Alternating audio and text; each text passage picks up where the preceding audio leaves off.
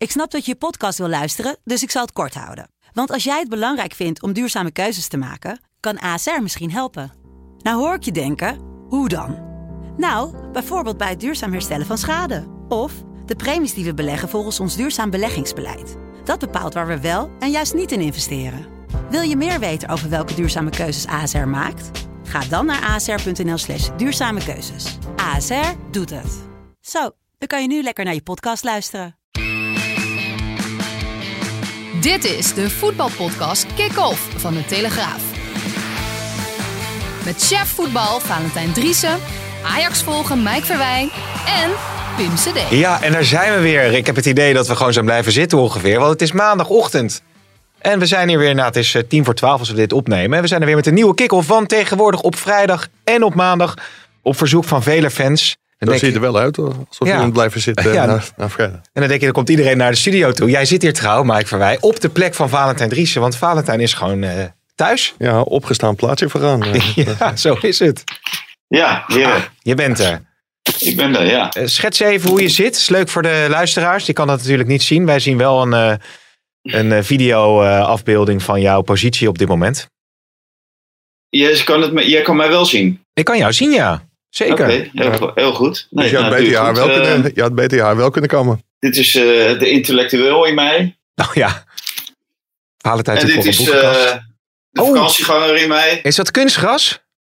Dat is uiteraard is dat kunstgras. Valentijn, kom op nou Ja. zeg. Dan ben je een pleitbezorger van, eh, van echt gras in de eredivisie en eerste divisie. Ja, heb je zelf een ja. kunstgrasveldje in je Ja, achtertuin. ja, maar was niet? je niet van plan om hier een eredivisieclub te beginnen. En ook geen eerste divisieclub. Dus wat dat betreft, eh, nee, nee. ik heb mijn broertje dood om in de tuin te werken. Dus eh, vandaar. Ja, mijn vrouw zit Nee, ook nee, altijd ik, ik zit er goed bij. Ik zit er rest goed bij. Ja, ja. Dat vind ik, nou ja, hartstikke goed dat je er bent in ieder geval. Laten we snel eh, van wal steken voordat het alweer helemaal ontaart in een gesprek over gras of kunstgras. Mike, wat wil je als eerste kwijt? Je bent natuurlijk naar Ajax Vitesse geweest. We gaan heel veel bespreken. We hebben zo nog contact met de Romy Jongmans in Barcelona. Met Marcel van der Kraan over de laatste ontwikkelingen bij Feyenoord. Nou, ik wil het er wel even over hebben dat... Zeg maar, afgelopen vrijdag kwam je broer in de uitzending. Je Ja. broer van ING. Ja, En we stonden gelijk op twee in de, in de podcast top 10. Ja. Dus ik weet niet of er een kausaal verband is. Overigens is Valentijn nu weg. nee, daar is hij nog. Oh, gelukkig. Ja. Maar dat, eh, dat waren mooie cijfers. Dankzij Steven ook, denk ik. Ja, nou ja, en dankzij onze luisteraars natuurlijk, die toch de moeite nemen om, eh, om naar ons eh, te luisteren. Eh, Valentijn, wat wil jij als allereerste kwijt op deze maandag? Nou, dat het natuurlijk dramatisch is dat je eh, gewoon achter een wielerpodcast nummer 2 bent. Oh ja, Eh? ja. ja maar die Dus wieler dan sta je mensen. al, al, al het voetbal gebeuren, maar dan sta je tweede achter een wielerpodcast. Waar gaat het over? Ja, ja, ja. En nee. volgens mij was het ook nog een hele oude podcast. Het gaat volgens mij over etappes uit eh, 1969 en zo. Je- Het tijdperk Jan Jansen. Toen wonnen we nog wel een keertje de Tour uiteindelijk. Maar ehm, ja, dat is natuurlijk wel eh, treurig. Ja, nee, ja. Zullen we vandaag ons best doen om ook gewoon die wielerpodcast in te halen? hoor? We moeten hard trappen, hè? Dus kijken of dat, eh, of dat gaat lukken. Maar ehm, ja, Valentijn, ehm, waar wil, wat wil je even het eerst beet pakken? Je, was, eh, bij, ehm, je had gisteren ook wat gezegd Nou. over koopmijners, hè? De tranen van koopmijners na zijn- bij zijn vertrek naar eh, Atalanta Bergamo van AZ. Ah, het, eerste wat ik beet wil pakken. En Mike is, is er ook van op de hoogte gesteld. Ehm, we hadden een uitstekend stuk met Joey Veerman hè, over de hele situatie bij, bij Herenveen. Dat was zo kort gesloten met Joey Veerman en met zijn eh, zaakwaarnemer Vulko van Koperen. En ja, eh, dat, dat verhaal stond eigenlijk op het punt om gepubliceerd te worden eh, zojuist. En het is allemaal teruggetrokken door de, door de zaakwaarnemer en door Joey Veerman. Eh, omdat er vanochtend een eh, niet welgevallig eh, column in de krant stond over, eh, over Joey Veerman. Ja, van mijn hand, eh, waarin ik stel dat eh, Joey Veerman niet mag zeuren. En gewoon moet afwachten eh, of AZ en Heerenveen eruit komen. Nou, en dat, eh, dat was het, eh, het kamp eh, Veerman te Gortig. En eh, die hebben dat hele verhaal ingetrokken. En ik denk, nou, dat vind ik echt zo klein. eh, op, op, op zo'n manier eh, daarop reageren. Kijk, je moet blij zijn dat, eh, dat AZ belangstelling heeft. Dat ze meer willen betalen dan ze ooit hebben betaald eigenlijk voor een eh, binnenlandse transfer. En het, en het kost wat tijd. En eh, ja, als, als je dan overvalt dat je, dat je aangepakt wordt, dat je vorig jaar gewoon je contract verlengt en verbeterd hebt bij Herenveen zonder gelimiteerde transfersom op te nemen, dan kan je beter naar jezelf kijken, eh, even in de spiegel kijken of je het nou allemaal nou wel zo goed hebt eh, geregeld voor, eh, voor Joey Veerman. In plaats van een, eh, van een interview eh, eh, terug te Ja. trekken. Wel Dus- ergens ook wel eh, ja, opvallend dat een speler zo open is. Dat zou je in principe ook wel weer kunnen toejuichen, toch? Dat gewoon de bedragen waar je Nou normaal ja, eh, moet gissen, dat die in één keer op tafel eh, worden gegooid. Nee, ja, maar, maar dat, dat was het punt natuurlijk niet. En, en als je dan zo open bent, dan, dan blijf je ook open. En dan ga je niet bij, bij de eerste, de beste zuchtje tegenwind of een beetje kritisch of kritiek. Ga je, ga je iets terugtrekken. En Tenminste, ja, dat is niet mijn, eh, mijn stijl van eh, werken. nee, nee, ik, ik nee. kan eh, goed tegen kritiek. En ja, ook als mensen kritiek op mij hebben, dan zal ik ze de volgende keer net zo goed te woord staan. En, en alles was zo in kan en kuiken. Het hele verhaal was al opgetekend door. Steven Kooijmans en Robin Jongmans. En, Ja. nou ja, Hey, maar gaat die transfer wel door? Nou ja, dat, jij? is af te, dat is af te wachten. Volgens mij heeft Mike eh, heeft het laatst contact met, eh, met het kamp eh, Veerman gehad. Dus Mhm. die weet misschien meer dan ik. Ja, ik denk dat die transfer niet doorgaat. AZ zal niet meer gaan betalen dan ze nu hebben gedaan. Maar wel even ter verdediging van, van Joey, vooropgesteld. Ik, ik vind verhalen terugtrekken ook niet sterk. Maar Kees Rozemond, die, die speelt in deze transfer natuurlijk wel een hele dubieuze rol. In de zin van dat hij donderdag op uitnodiging van Robert Eenhoorn de gast was bij AZ Celtic. En Robert Eenhoorn heeft hem gevraagd: van, is er een opening als wij dit bieden? Nou, dat was dus die 4,5 miljoen waar Joey Veerman het zelf over had voor de camera van ESPN. Ja. En Rosemond zegt, al dus de bronnen, dan zit je aan tafel en daar valt over een transfer te praten. Vervolgens blijkt dat niet het geval, wordt er nog meer geld opgegooid door AZ. En Fanta zei net ook terecht van dit is voor AZ een, een heel bijzondere prijs, want dit betalen ze nooit voor een speler. Nee. En vervolgens ja, blijkt het onbespreekbaar. Dus die jongenshoofd wordt op hol gebracht. AZ wordt de indruk gewekt dat ze die speler kunnen halen. Nou, dat blijkt allemaal niet zo te zijn. Dat, dat is een goed recht. Maar geef dan ook niet aan dat je er wel uit gaat komen als dat niet het geval blijkt. nee. Ja, maar kijk, Mike, daar wil ik wel iets, iets over zeggen. Eh, en eh, jij eh, hakt iedere dag met het bijltje van allerlei bonussen en doorverkooppercentages. En dat was natuurlijk het basisbedrag. Dat was eh 4,5 miljoen. En dat is gisteren, eh, volgens mij zelfs nog tijdens de wedstrijd Heerenveen AZ verhoogd naar 5 of 5,5. Eh, dan is het te praten. Maar dan moeten natuurlijk wel eh, bepaalde clausules zouden in dat, eh, in dat contract komen. Met doorverkooppercentages en bonussen. En dan zou Heerenveen ongeveer aan de 7, 8 miljoen euro komen die zij wilden hebben. Kijk, als je op, op het moment dat je op 5 miljoen zit en je moet naar 7 of 8, dat is een, is een hoop geld. Maar dat is natuurlijk te ondervangen op die manier. En volgens mij is op die manier te praten met eh Ja. Heerenveen.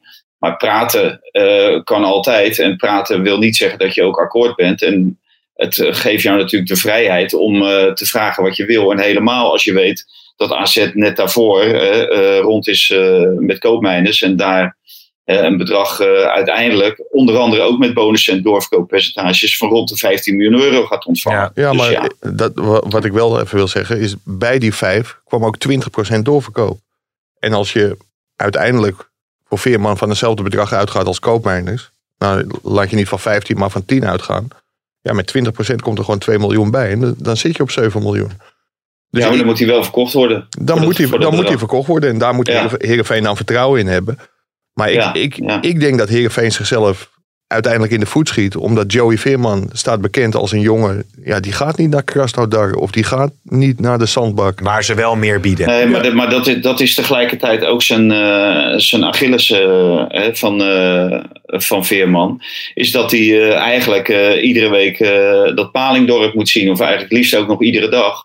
Zodat hij heen en weer kan rijden. Met dat Palendorp bedoel je FC eh, Volendam, denk ik. eh. Volendam, ja, ja. Dus, dus, dus daar is hij zo aan gehecht. En eh, hij heeft gewoon moeite om, zeg maar, voor een heel jaar inderdaad in Krasnodar te gaan zitten. Ja. Maar ook om in België te gaan zitten.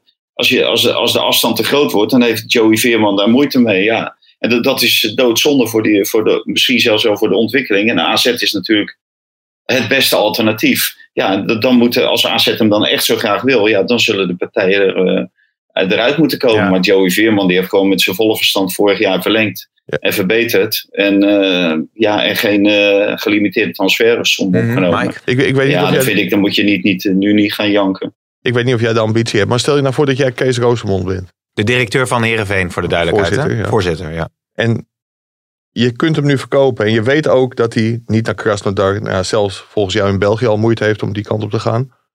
Ga je dan ooit dit bedrag nog krijgen? Want Leeds United, Southampton waren heel serieus voor Veerman. Maar die kwamen uiteindelijk toch tot de conclusie dat hij nog een tussenstap nodig zou hebben. Ja, AZ is Ja, de ideale maar- tussenstap. maar- maar- Dus- dus als je, het voor, als je het voor jezelf goed regelt, met percentage doorverkoop, dan denk ik dat het voor Rosemond ook gewoon de ideale stap is. Maar Ro- Rosemond weet natuurlijk dat Joey Veerman ook niet naar Leeds United en Southampton gaat.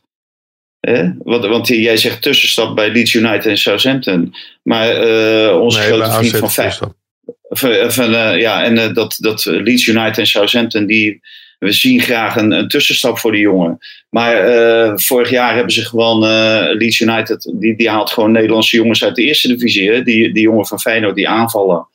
Die daar nu voetbalt, die trouwens op de bank zit bijna iedere wedstrijd.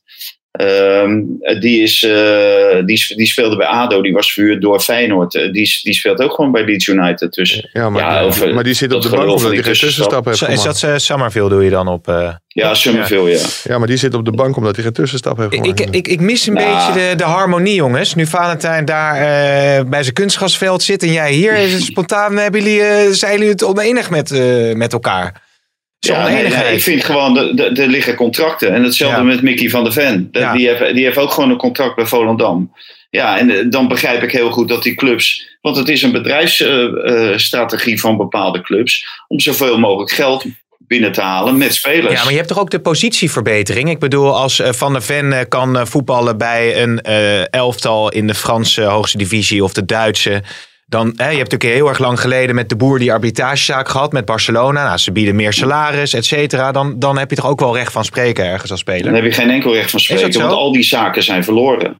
Ja, al- Ga al die zaken maar na die bij de KNVB, eh, bij de arbitragecommissie zijn langsgekomen. Die zijn, allemaal verloren door die spelers. Hmm. Dus je hebt geen poot om op te staan. Dan moet je gewoon beter eh, regelen eh, op het moment dat je tekent. Met clausules en zo, duidelijke afspraken. Ja. Ja. Had- Had Kees Rosemond maar gezegd donderdagavond, er valt gewoon onder de 8 miljoen niet te praten. Was AZ nooit gekomen.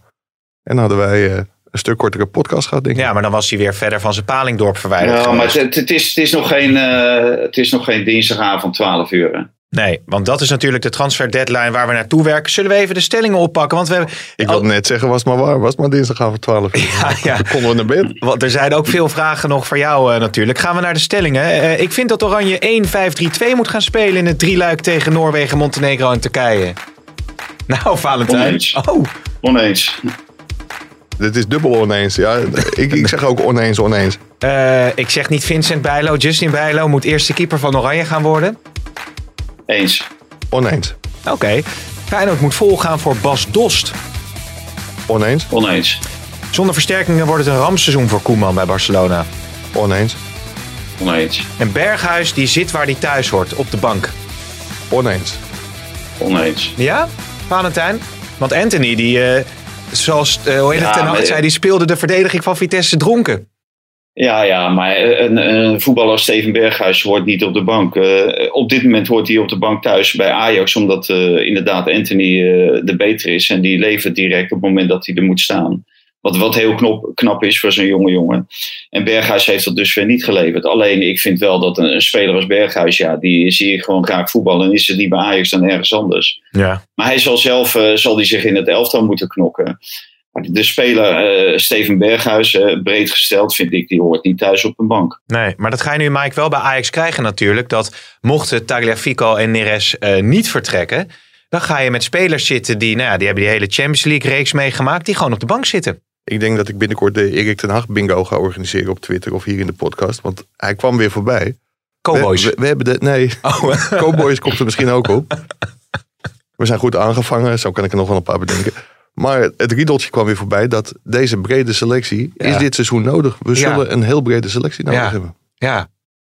Oké, maar Overmars die, die, die vindt dat er wel erg veel opties in de aanval zijn, toch? Op dit moment. Ja, die wil natuurlijk, die wil. Neres verkopen. Ook als je hoort welke bedragen er rondgaan. Ze denken nog eh, ja, 25 miljoen in totaal uit de markt te kunnen halen. Dat is dan een bedrag opgebouwd ook, waar Valentijn het net over had. Bonus en percentage doorverkoop. Ja, Ja, ik denk als je dat op dit moment voor Neres kunt pakken. Dat je dat onmiddellijk moet doen. Want hij is natuurlijk als rechtsbuiten de derde keus. Ja. Achter Anthony Ja. en, en Steven Berghuis. Nee, ik vind het zo leuk, want ik zit aan te haken op die Ten Hag bingo. Dus ik, zit, ik heb er ook nog een buitenkansje. Die komt ook vaak, hè? Ja, die, nou, maar die moest ik eerst na afloop zelf ingooien. Want we hadden al voorspeld dat hij dat wel zou zeggen. Van, ben je nu klaar op de transfermarkt? Nee, we kijken altijd naar buitenkansjes. Buitenkansjes. Maar ja. hij zei nee. Toen moest ik vragen van, ook geen buiten... Nou ja, misschien dat Mark Overmars nog met een cadeautje zou komen. Ja, een cadeautje. Maar, maar zit dat er nog in? Want dat willen mensen natuurlijk toch weten. Ze hebben natuurlijk eh, nog eh, toegeslagen op de Deense transfermarkt. Ik denk niet dat er nog iets gaat gebeuren. Maar misschien een buitenkansje. Keeper? Is, is dat nou een beetje gerommel bij Ajax? Want of denken ze dat Stekelenburg en Nee, Pas zij- weer goed genoeg zijn voor de zij- Champions Zij League? denken echt dat, eh dat Stekelenburg en Pasveer goed genoeg zijn. Oké. Ik heb afgelopen vrijdag eh, Jay Gorter weer zien keeper. Ja, stop de Ja. penalty geloof ik. hè? Ja. Volkomen onterecht gegeven penalty door Joey Coy. Maar dat, dat, dat terzijde. Ja, ik, eh, ik vind het een heel talentvolle jongen. Maar die is nog niet klaar voor, eh, voor Ajax 1. Nee. Die heeft nog wel wat tijd nodig. En Stekelenburg nationaal. Ja, ik geloof dat Vitesse geen bal tussen de palen heeft geschoten. eh, Gisteren, dus dan kun je ook Stekelenburg opstellen. Maar internationaal zou dat een probleem kunnen worden. Ja, ik moet overigens wel zeggen, want we kregen vrijdag een feedback dat we te weinig aandacht besteden aan Vitesse, die toch ja, een, een sensationele overwinning boekte op, op Anderlecht. Maar ja, Maar na gisteren is elke minuut over Vitesse er een te veel. ja, maar dat is dan ook. Wil jij- Heb jij nog iets positiefs over Vitesse, Valentijn? Nee, nou, we, we hebben het begin al gezegd van eh, het, het lag natuurlijk aan Vitesse, maar nog veel meer aan, eh, aan Anderlecht, aan het spel van Anderlecht. Ja. En eh, nou, toevallig heb ik die wedstrijd zitten kijken de, een week voor de start van de Belgische competitie. Anderlecht tegen Ajax en veredeld Ajax 2. Ja, Anderlecht bakte er werkelijk helemaal niks van. En ja, dat is, eh, dat is niet veranderd. En daarom denk ik dat je die wedstrijd van Vitesse ook best wel in perspectief mag, eh, mag zetten. Wat we weliswaar gewoon natuurlijk een hele knappe prestatie is tegenwoordig om je al te kwalificeren voor de Conference League. Dan gaat de vlag tegenwoordig overal al uit. Bij Feyenoord gaat de vlag uit. Bij Vitesse gaat de vlag uit. Eh, Alleen bij AZ niet. Maar ja, die hadden ook eh, Europa League in gedachten. Ja. ja. Dus, heb, jij nog een, eh, voor iets het voor, heb jij nog iets voor de Ten Hag eh, bingo? Nee, nou, ik, ik vind wel, eh, kijk, als ik dat eh, verhaal over die keepers, eh, als ik dat uit de arena hoor, dan ja, daar maak ik me best wel zorgen over. En dan weet ik ook wel dat de Ajax wel, vaak wel de mogelijkheid heeft om in januari iets goeds te doen. Maar ze speelden ooit een keer in januari tegen Herenveen, was het, meen ik. En toen stond Lamproe onder de lat. En toen hebben ze ook heel snel doorgeschakeld. Want ik denk dat de, de huidige drie keepers ja, eh, niet het niveau brengen om Ajax in de Champions League eh, verder te brengen. En dat moet je toch wel willen, zeker in een groep met eh, Dortmund, eh Besiktas en Sporting Lissabon. Ja, Ja, ja. tegen Getafe gingen ze eruit door hun Portugese derde keeper. Dus dat was ook... eh, Nou ja, Hij was zo goed dat ik zijn naam inmiddels al van, eh, van, eh, van Benfica. gehuurd. Varela. Ja, ja Varela. Ja, inderdaad. Ja, god, die moest, je, die moest je echt... Over dit soort spelers gesproken. eh Valentijn, het is toch wel een grote aderlating voor Ajax... dat de Magajan eh, vertrekt, hè? Ja, nou, het is natuurlijk eh, triest voor ons, omdat wij eh, de hele saga Marco Jan, volgens mij, eh, daar zijn we een half jaar mee bezig geweest. en uite- uiteindelijk is hij volgens mij nog niet eens aan één hele wedstrijd toegekomen bij Ajax. Het is, ja, Nou, wel, dat hè? is Ja. een van de flops ja, die, die de revue zijn gepasseerd in, in Amsterdam. En ja, ik neem niet aan dat hij nu na een eh, vuurperiode bij Anderlecht alsnog een keertje terug zal komen. Ja, ja, we gaan zo schakelen met eh, Marcel eh, van der Kraan over Feyenoord. Ik, eh, want daar is natuurlijk ook heel veel, heel veel aan de hand op dit moment. Is er nog iets over Ajax wat veel wordt gevraagd, eh, Mike? Is de contractverlenging van eh, Martinez? Ja, dat, dat vind ik wel iets waar, waar Overmars gewoon veel korter bovenop moet zitten. Want misschien nog wel veel belangrijker dan een cadeautje of een buitenkansje of een later inkomende transfer. Vind ik dat hij heel snel werk moet gaan maken van de contractverlengingen van eh, in ieder geval Masraoui. Die loopt Ja. aan het einde van dit seizoen Die heel goed speelt transfervrij dit weg. Ja, dat bleek wel een gouden tandem eh, met Anthony, vond ik. En Martinez, ja, als je het nou over zaakwaarnemers hebt, die heeft een salaris dat niet in verhouding staat tot de andere spelers. Mhm. En om gedonder in de kleedkamer eh, te voorkomen. Je kunt als Ajax ook zeggen, hij heeft nog lang contract, dus we laten het zo. Maar ik denk dat Ajax naar die jongen ook wel een eh, signaal moet maken. En heel snel met een verbeterd contract moet Ja, komen. ja, misschien leuk voor de luisteraar dat als er nog inzendingen zijn voor de Ten Hag bingo, dan eh, kan dat eh, getweet worden. En dan kunnen we misschien een, iets moois daarmee doen. En dan kunnen we uiteindelijk een, een bingoavond eh, organiseren, dacht ik. Ik heb er nog wel één. Ja? Ja. Welke? Huh? ja, jezus. Maar hoe zet je dat op de Hoe, bingo hoe, kaart? schrijf, dat? hoe schrijf je Ja. dat dan? Ja, hoe je het schrijft, dat, eh, daar zijn jullie voor. Ja, maar dat is... ik, ik zit thuis, dus ik, ik kan die bingo hier vandaan niet invullen. Dus Oké, nou dan hebben we die dus ik ben ook. heel benieuwd hoe jullie dat opschrijven ook. Ja. Oh, ik hoor net uit betrouwbare bron dat we eerst met Robin Jongmans gaan praten. En dat is leuk, want daar heb ik een leader voor bedacht.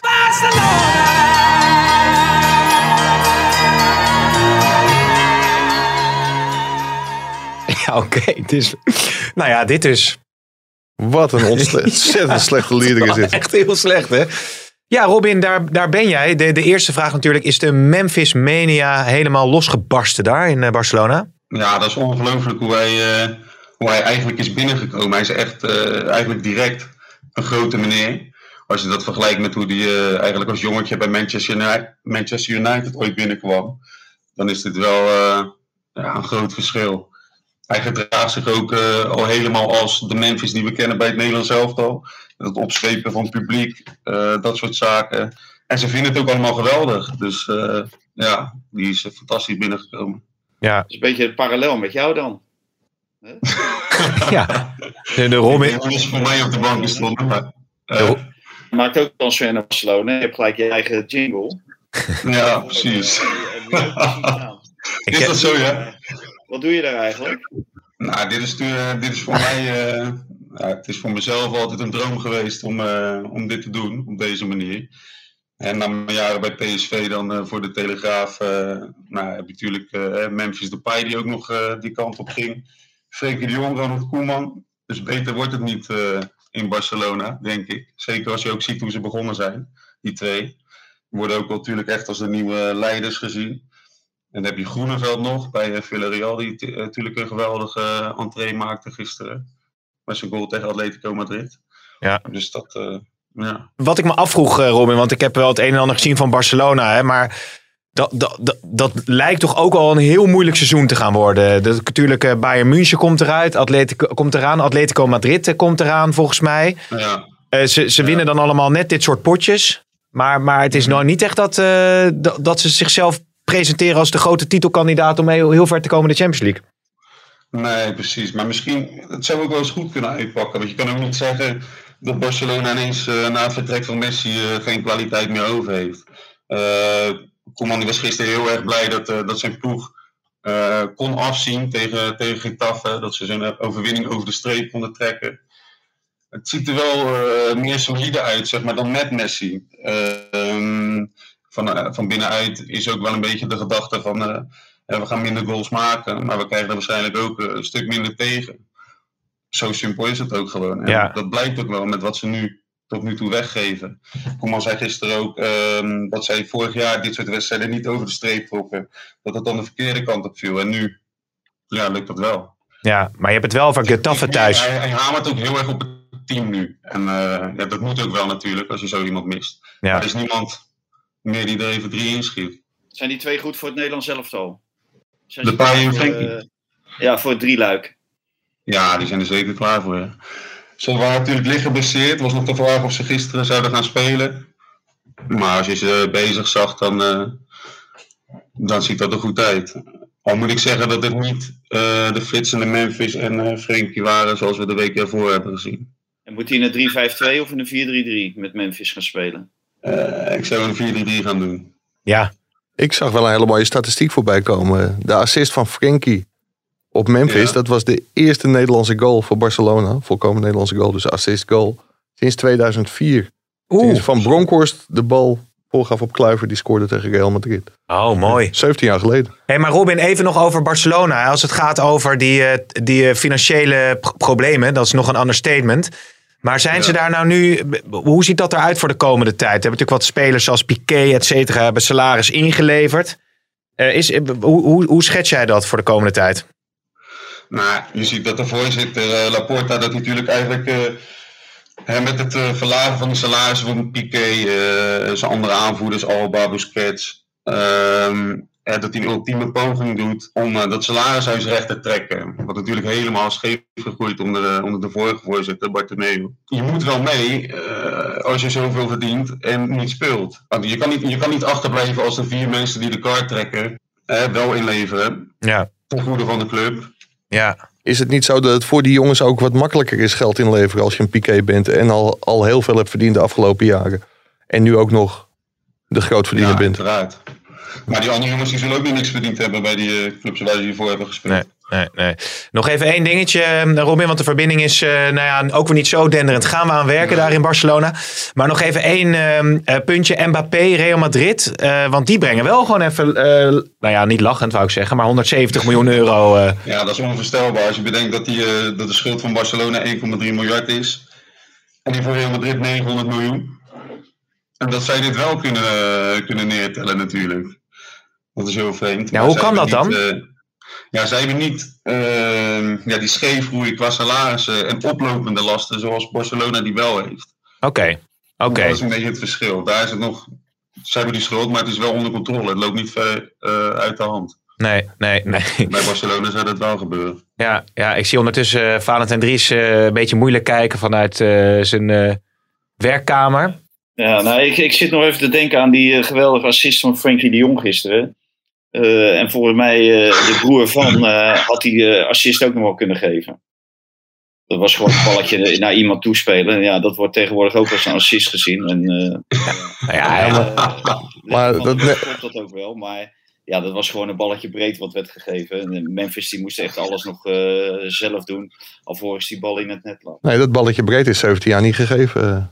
Nee, inderdaad. Hey Robin, uh, ik ja. ga jou uh, een fijne dag met veel paella, tapas en siesta toewensen. Dan gaan wij hier weer, weer aan het werk. Gaan wij wel. nee. Oké. Okay. Hey Robin, dankjewel en tot een, tot een volgende keer. Man, Valentijn, dat is toch de maarschalk van Barcelona, Frenkie de Jong. Kom op zeg. Maak het nou niet kleiner dan het is.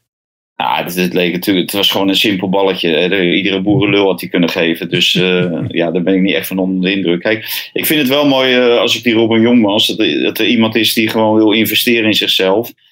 En zijn droom najaagt en uh, naar Barcelona gaat. Voor een veel minder salaris dan de heertjes waar we het nu net allemaal over hebben ja. gehad. En nou, ik, ik hoop dat, dat het een succes wordt voor die, voor die jongen. En, ja, als hij overal bovenop blijft zitten, dan, uh, dan zullen we hem uh, blijven bellen. En oh.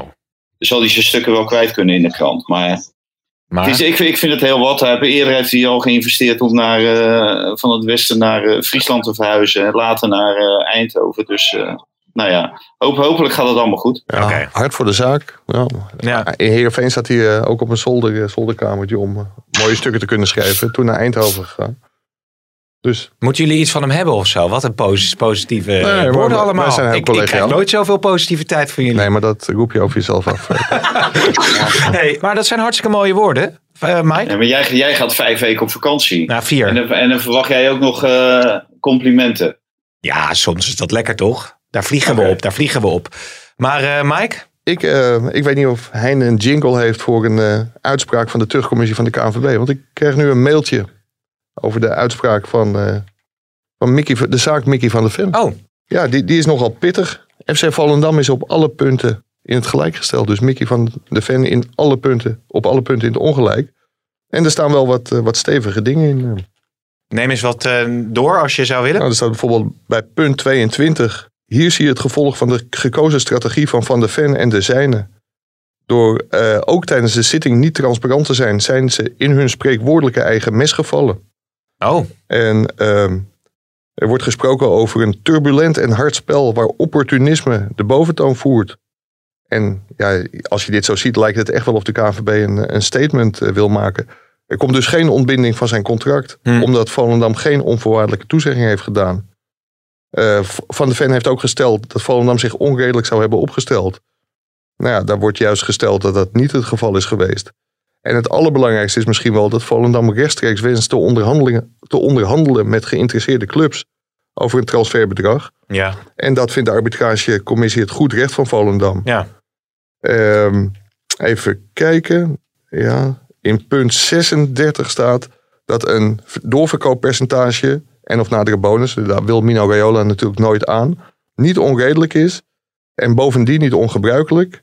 Nou ja, dan gaat de arbitragecommissie nog wat verder. En die vindt het eigenlijk heel logisch bij jonge talentvolle spelers met nog een hele toekomst uh, voor zich. En daar wordt ook de nadruk op gelegd. En ja, punt 39, nogmaals de herhaling. Het contract van Mickey van der Ven voor nog twee jaar wordt niet ontbonden. Oké. Okay. Oké, je hoort hier toch de student rechten, hè? Hoe die, de- hoe die dat zo meteen eh, analyseert, zo'n uitspraak. Ja, dat doet hij heel snel. Zeker als hij net het eh, appje binnen heeft gekregen. Ja. Een mailtje. Die kan wel, die kan wel, of een mailtje, die kan wel heel snel Ja, lezen, ja. Toen Robin uit- aan het woord was, zat ik even snel... eh, Maar het is wel een eh, hard gelach voor Rayola dan. Nou ja, dat, dat ligt eraan. Hij heeft nog twee dagen om een hele mooie deal te maken voor Mickey van der Ven. Want dat moet eigenlijk wel de uitkomst van deze uitspraak van de arbitragecommissie zijn, denk ik. Dat de clubs die geïnteresseerd zijn, ja, dan met Volendam mo- moeten gaan onderhandelen. En dan geldt hetzelfde als bij Joey Veerman. Ja, komen de clubs eruit Ja. of niet? Dat, dat is de vraag. Maar er kan nu in ieder geval niet meer via Mino Raiola onderhandeld worden. En dat is toch wel een hele opmerkelijke uitspraak. Want Ja. het is toch wel een beetje de handelswijze Ja. en het keurmerk van, van Mino Raiola. Ja, maar ik vind dit helemaal geen opmerkelijke uitspraak, Mike. Dit is toch een uitspraak die we ook hadden verwacht. En in alle andere zaken is, is deze uitspraak toch ook altijd gedaan. De spelers komen gewoon niet makkelijk onder hun contract uit. Of je nou Frank en Ronald de Boer heet of, of Bas Dorst.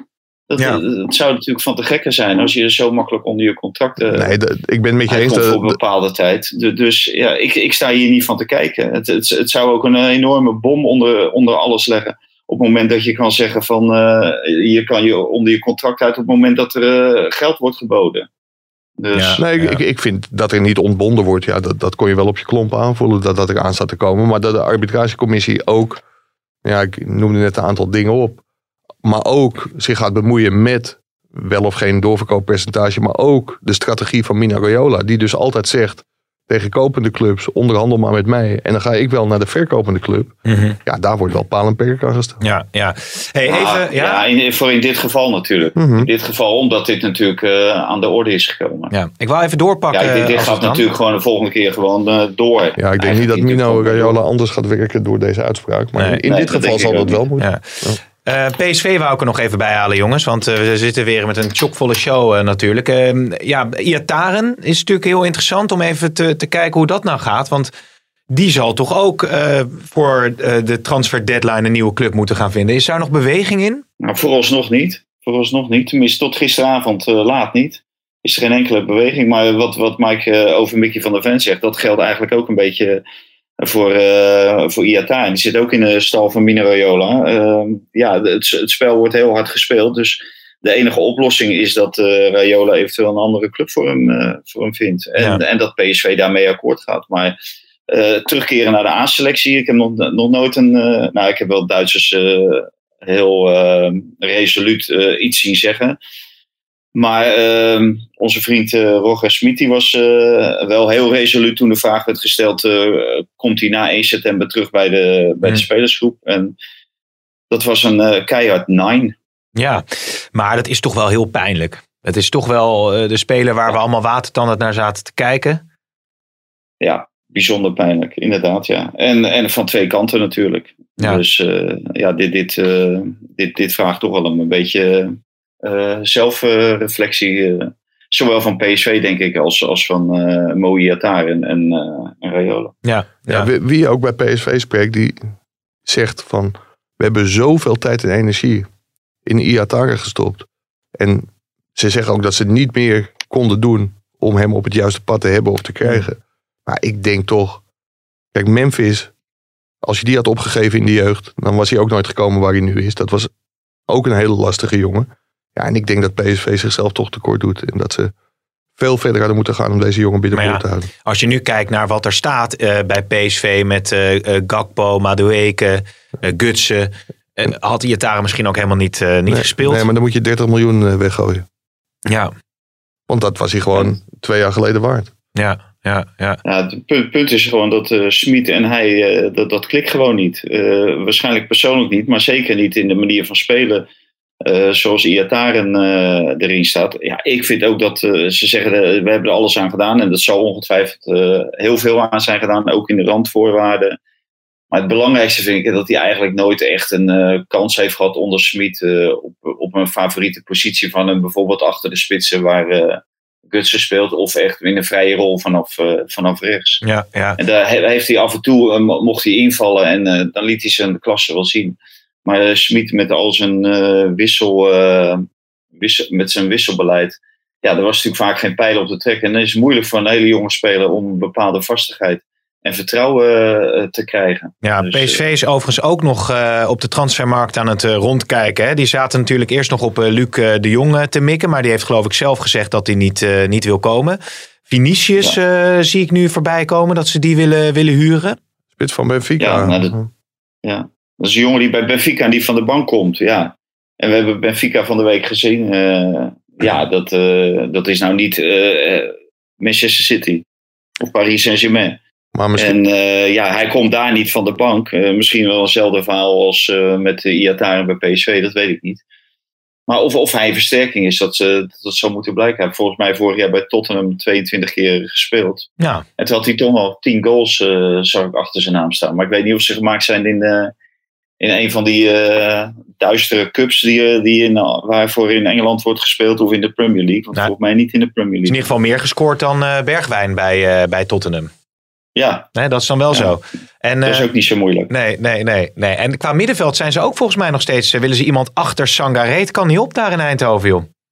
Nee, eh, eigenlijk eh, hadden ze een betere versie van Sangaré. Die hadden ze onder contract staan met eh, Pablo Rosario. Tja, Die het nu echt heel goed doet in, eh, in Nice. Nice, ja. Dus eh, volgens mij hebben ze de verkeerde eh, naar Frankrijk laten gaan. Ja, er is toch wel veel, eh, veel positiviteit over Sangaré. Dat is toch net die, die verbinding, of die speler in het elftal die je nodig hebt. Beetje type Alvarez misschien, hè? maar godswonder dat hij zonder gele kaart van het veld afstapte zaterdagavond. eh in de overtredingen die hij maakte. Ja. Maar hij, hij is nuttig, maar het is natuurlijk niet de voetballer waarvoor, waarvoor je naar een stadion komt. eh. Nee, nee, is hij beter dan Misschien moet, Johan? een, Ja? misschien moet jij eens een kaartje kopen voor PSV en daar, eh, daar eens een keer eh, 90 minuten op die tribune zitten. En dan eh, tellen hoe vaak hij de bal kwijtraakt. En hoeveel verkeerde passes. Ja? Heb jij dat gedaan zaterdag? Misschien dat je dan... eh, toevallig heb ik dat zaterdag gedaan, ja. En dan schrik je eigen, schrik je eigen het lazen. En? En? Zij, eh, Hoeveel keer was het?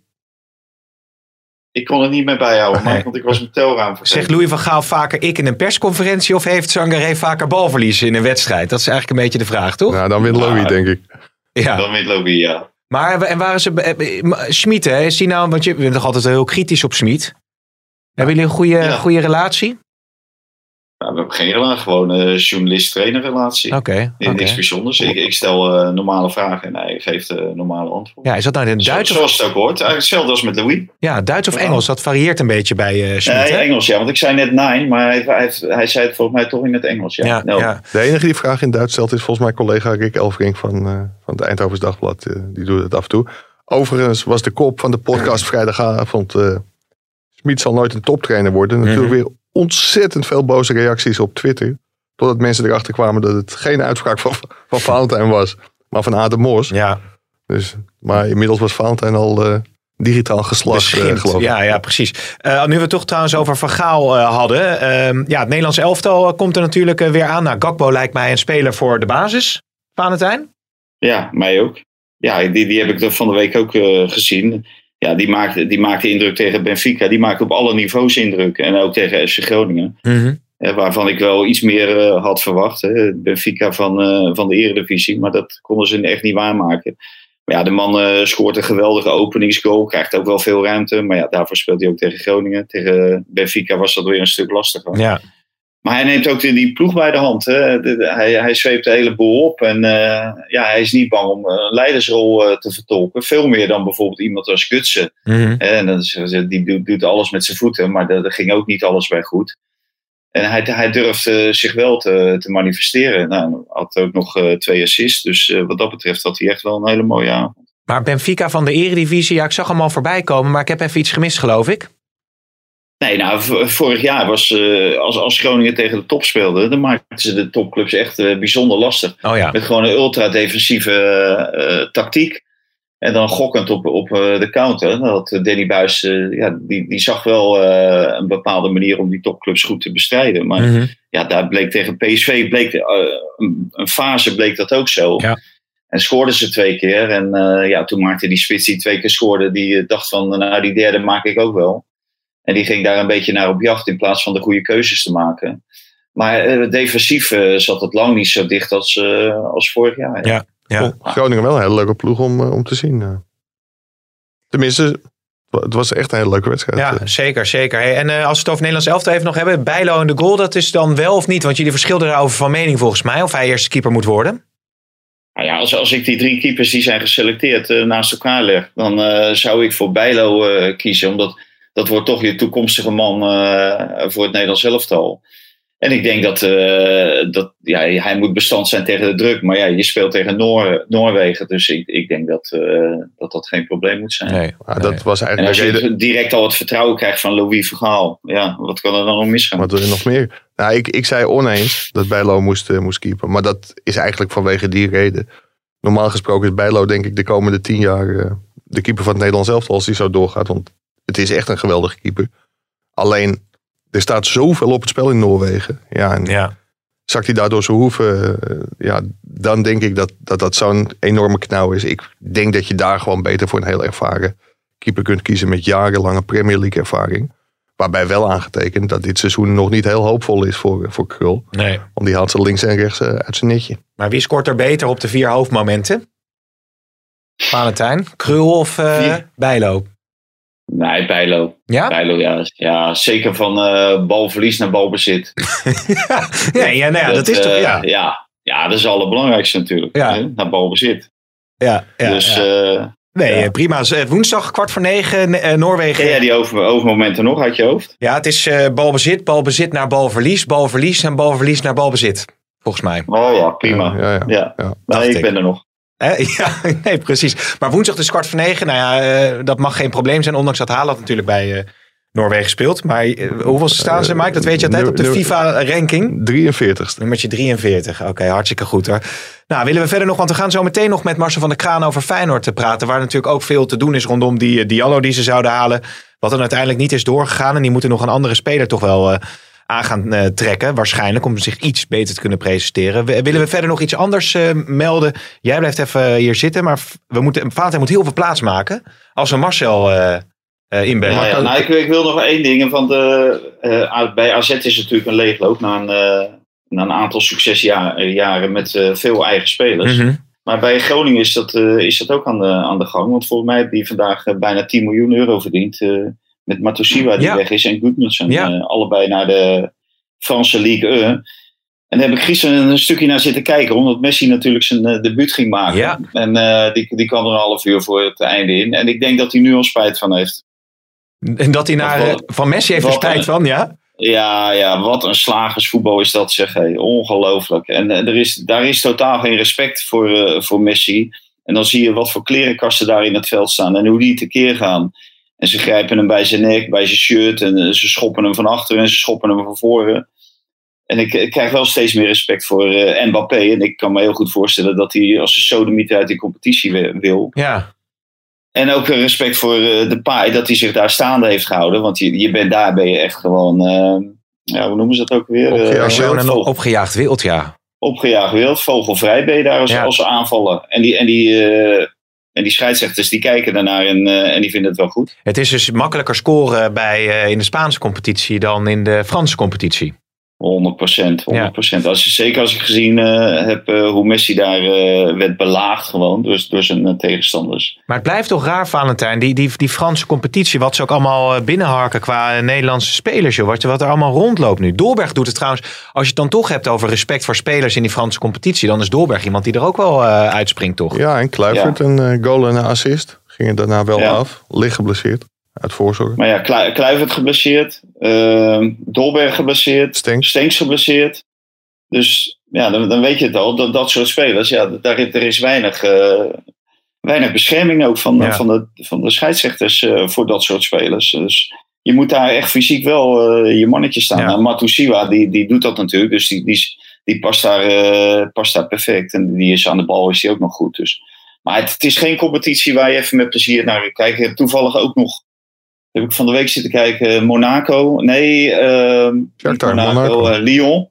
Lyon een, eh, uit bij Nantes. Ja, dat was eigenlijk een beetje hetzelfde verhaal. Dus Ja. eh, Was dat een, Het is- eindelijk een overwinning voor, eh, voor Peter Bos? Want Ja. anders was hij er natuurlijk ook alweer eh, heel snel onder hele grote druk eh, komen te staan. Wat toch ook Ja, wel ja. een eh, terugkerend Ja, ja. verhaal is bij... eh, ja, dat merkte je, merkte je ook wel. De, als je hem zag, eh, de keren dat hij in beeld werd gebracht, zag je wel dat, eh, dat hij inmiddels alweer een jasje had uitgedaan. En de, de ontlading was groot na de overwinning. Oké, hartstikke goed. Nou ja, Mark van Bommel, als we naar Duitsland gaan, nog even natuurlijk ook geweldig bezig eh, in de Bundesliga. Staat eh, aan kop op dit moment. Dus dat is hartstikke leuk. Ook een beetje die, die lelijke zepert met die bekerwissels Ja, eh, niet uitgewist. Nee, precies. Ja, en tegen een goede tegenstander hè, gisteren. Tegen Leipzig. Ja, ja 1-0 gewonnen. We gaan even schakelen met eh, Marcel van der Kraan eh, in elk geval. Ja, Marcel die is op dit moment die is natuurlijk als, als baas van, eh, van de sportredactie van de Telegraaf even druk. Maar willen toch het laatste Feyenoord nieuws meegeven. Dus hebben we nog even contact met, nou, wie zouden we eens laten inbellen? Wat dachten we van de chef voetbal Valentijn Dries? Valentijn, nog even kort, Ja. want we willen toch het Feyenoord nieuws even bespreken. Ja, het, het, het gonste in het land, want Amat Diallo zou komen. Groot talent, Atalanta. 40 miljoen euro waard via... eh, Ehm, eh, Manchester zou die dan komen. Maar die Ja, gaat niet door, op hè? huurbasis. Hè? Op Op huurbasis. huurbasis. Ja, dus eh, nou, het, het zou natuurlijk eh, waanzinnig zijn als die inderdaad zou zijn gekomen. Maar hij is dit weekend geblesseerd geraakt. En de Manchester United wil graag dat hij ja, revalideert in, in de omgeving van, van de club. Ja. En, en niet bij Feyenoord. En het, het zou ook een tijdje duren voordat hij weer speelklaar zou zijn. Dus er is nu van afgezien. Ja, misschien dat dat eventueel in de winter nog eh, kan gaan spelen. Maar wat ik ervan begreep, eh, ik zou een afspraak hebben met eh, technisch directeur Frank Arnees Mhm. vanmiddag. En, om één uur voor een interview. Maar dat gaat niet door, omdat hij is zo druk op dit moment om toch nog versterkingen binnen te halen bij Feyenoord. Ja. Feyenoord. En, eh, nu wordt eh speler van Arsenal genoemd, een 21-jarige eh Reis Nelson. Ja. Dat ze die willen huren. Nou, eh, Frank zit goed in zijn contacten blijkbaar in Engeland. Eh, ja, of dit wat is, eh, dat weet ik niet. Dit is eigenlijk veel meer een onbeschreven blad dan die Diallo. Dat er wel wat, wat moet gebeuren bij Feyenoord voorin, dat is een ding wat zeker is. Zeker ook omdat Bozeniek natuurlijk naar Düsseldorf is. Ja. Opvallend genoeg met een clausule, een koopclausule voor 4 miljoen. Nou, als ze dat zouden lichten, Düsseldorf, dan, dan zou Feyenoord het aankoopbedrag eh, terug hebben. kan het je Dat- bijna dat niet voorstellen, Ja, je zijn. kan dat hele leuke prestatie Ja, ik wou zeggen, je kan het je bijna niet voorstellen dat ze dat nog terughalen. ja, Bas Dos, de Brugge kreeg een enorm pak slagen afgelopen weekend. Eh, spelen nu zonder Dost eh, in de, in de spits. Dat, dat zou natuurlijk wel een speler kunnen zijn. Ik, ik begreep wel dat Arnees een speler wil die, die ook op de flanken kan. Maar dat zou natuurlijk wel een speler zijn die, die wel nuttig zou kunnen zijn voor Feyenoord. Ja, de- hoe heet dat op de flanken kan hij sowieso al Nee, niet. nee, en. Stroet is van de week eh, ingevallen. Ja, ik, ik denk niet dat dat, eh, dat dat de oplossing uiteindelijk is. Hè? Want ze zullen hem ongetwijfeld niet kunnen kopen van, eh, van Club Brugge. Of je moet hem voor heel weinig kunnen ophalen. Dan, dan zou je het, het kunnen doen. Want ja, in Bas Dorst in de Nederlandse competitie zal hij ook nog wel aan scoren toe kunnen komen. Maar ik de- denk niet dat dat op dit moment. eh, ze, ze hebben gewoon meer behoefte aan een, eh, een, een buitenspeler. Iemand die eh, op het moment dat eh Jahan Baks wegvalt, die op die, pla- die plaats kan spelen. Want je ziet nu iedere keer komt Jens Toornstra op die Ja, plaats te staan. Ja, Ja, dat, dat, is, dat is natuurlijk niet eh, een ideale nee, situatie. nee, nee. Nou, bij Feyenoord moet in ieder geval nog het eh, nodige gebeuren, lijkt wel duidelijk. Want de sfeer zit er goed in. Ik hoorde Arne Slot nog zeggen na de wedstrijd tegen Elfsborg... dat hij toch ook wel heel veel goede aanknopingspunten had gezien. Tegen Utrecht zag je toch weer met die crosspaas van eh Jaan Baks op eh Sinistera en zo. Dat er wel, het, het, is wel leuk. Ja, het is toch aardig om naar te kijken bij eh, Vlagen. Maar ze, Maar jij, jij bedoelde dat niet cynisch. Nou, was toch een mooie... De Was sfeer, toch een de mooi, sfeer zit er goed in. Ze verliezen twee keer achter elkaar. ja, maar er is weer, er is, is meer, misschien iets meer hoop bij Feyenoord op, een- op, een, op, ja, op een wat sprankelender seizoen, of niet? Nog Ja, steeds? maar dit, dit, was de, dit was de eerste echte serieuze tegenstander. Kijk, er werd gewezen naar Atletico Madrid in de, in de voorbereiding. Maar dat was vriendschappelijk voetbal. Ja, tussen aanhangers. ja, ja. Tegen vriendschappelijk. En nu de, de eerste momenten eh, dat ze onder druk worden gezet. Dat ze worden afgejaagd. En dat er een eh, club geen genoegen neemt met, eh, met een gelijkspel tegen Feyenoord. Of eh achteroverleunt. eh, verliezen ze. Dus nou ja, ik denk dat daar nog wel een hele hoop te winnen is. En dat, dat, de sfeer moet vandaag niet eh, echt... eh, eh, van Holladie, Holladio. eh, zijn. Nee, oké. Nou, dat lijkt me, dat lijkt me duidelijk. Eh, tegen de luisteraar zeg ik, eh, als er nog eh, stopwoordjes voor de bingo-kaart van Ten Hag zijn, dan kun- kan dat worden eh, ingestuurd via podcast.telegraaf.nl. Valentijn, we spreken elkaar eind, eh, nou, misschien wel eerder met Nederland zelf, dan wie zal het zeggen. Spreken we elkaar eh, weer natuurlijk woensdag eh, tegen Noorwegen en zaterdag tegen Montenegro en dinsdag uit mijn hoofd tegen Turkije. Daarna blijven we gewoon volop doorgaan, want dan gaan we Champions League voetbal eh, en het eh, Europa League en Conference League voetbal in. Dus eh, er breken mooie tijden aan. Valentijn, eh, dankjewel. En tegen de luisteraars, eh, dit was de maandag. Heel graag tot vrijdag.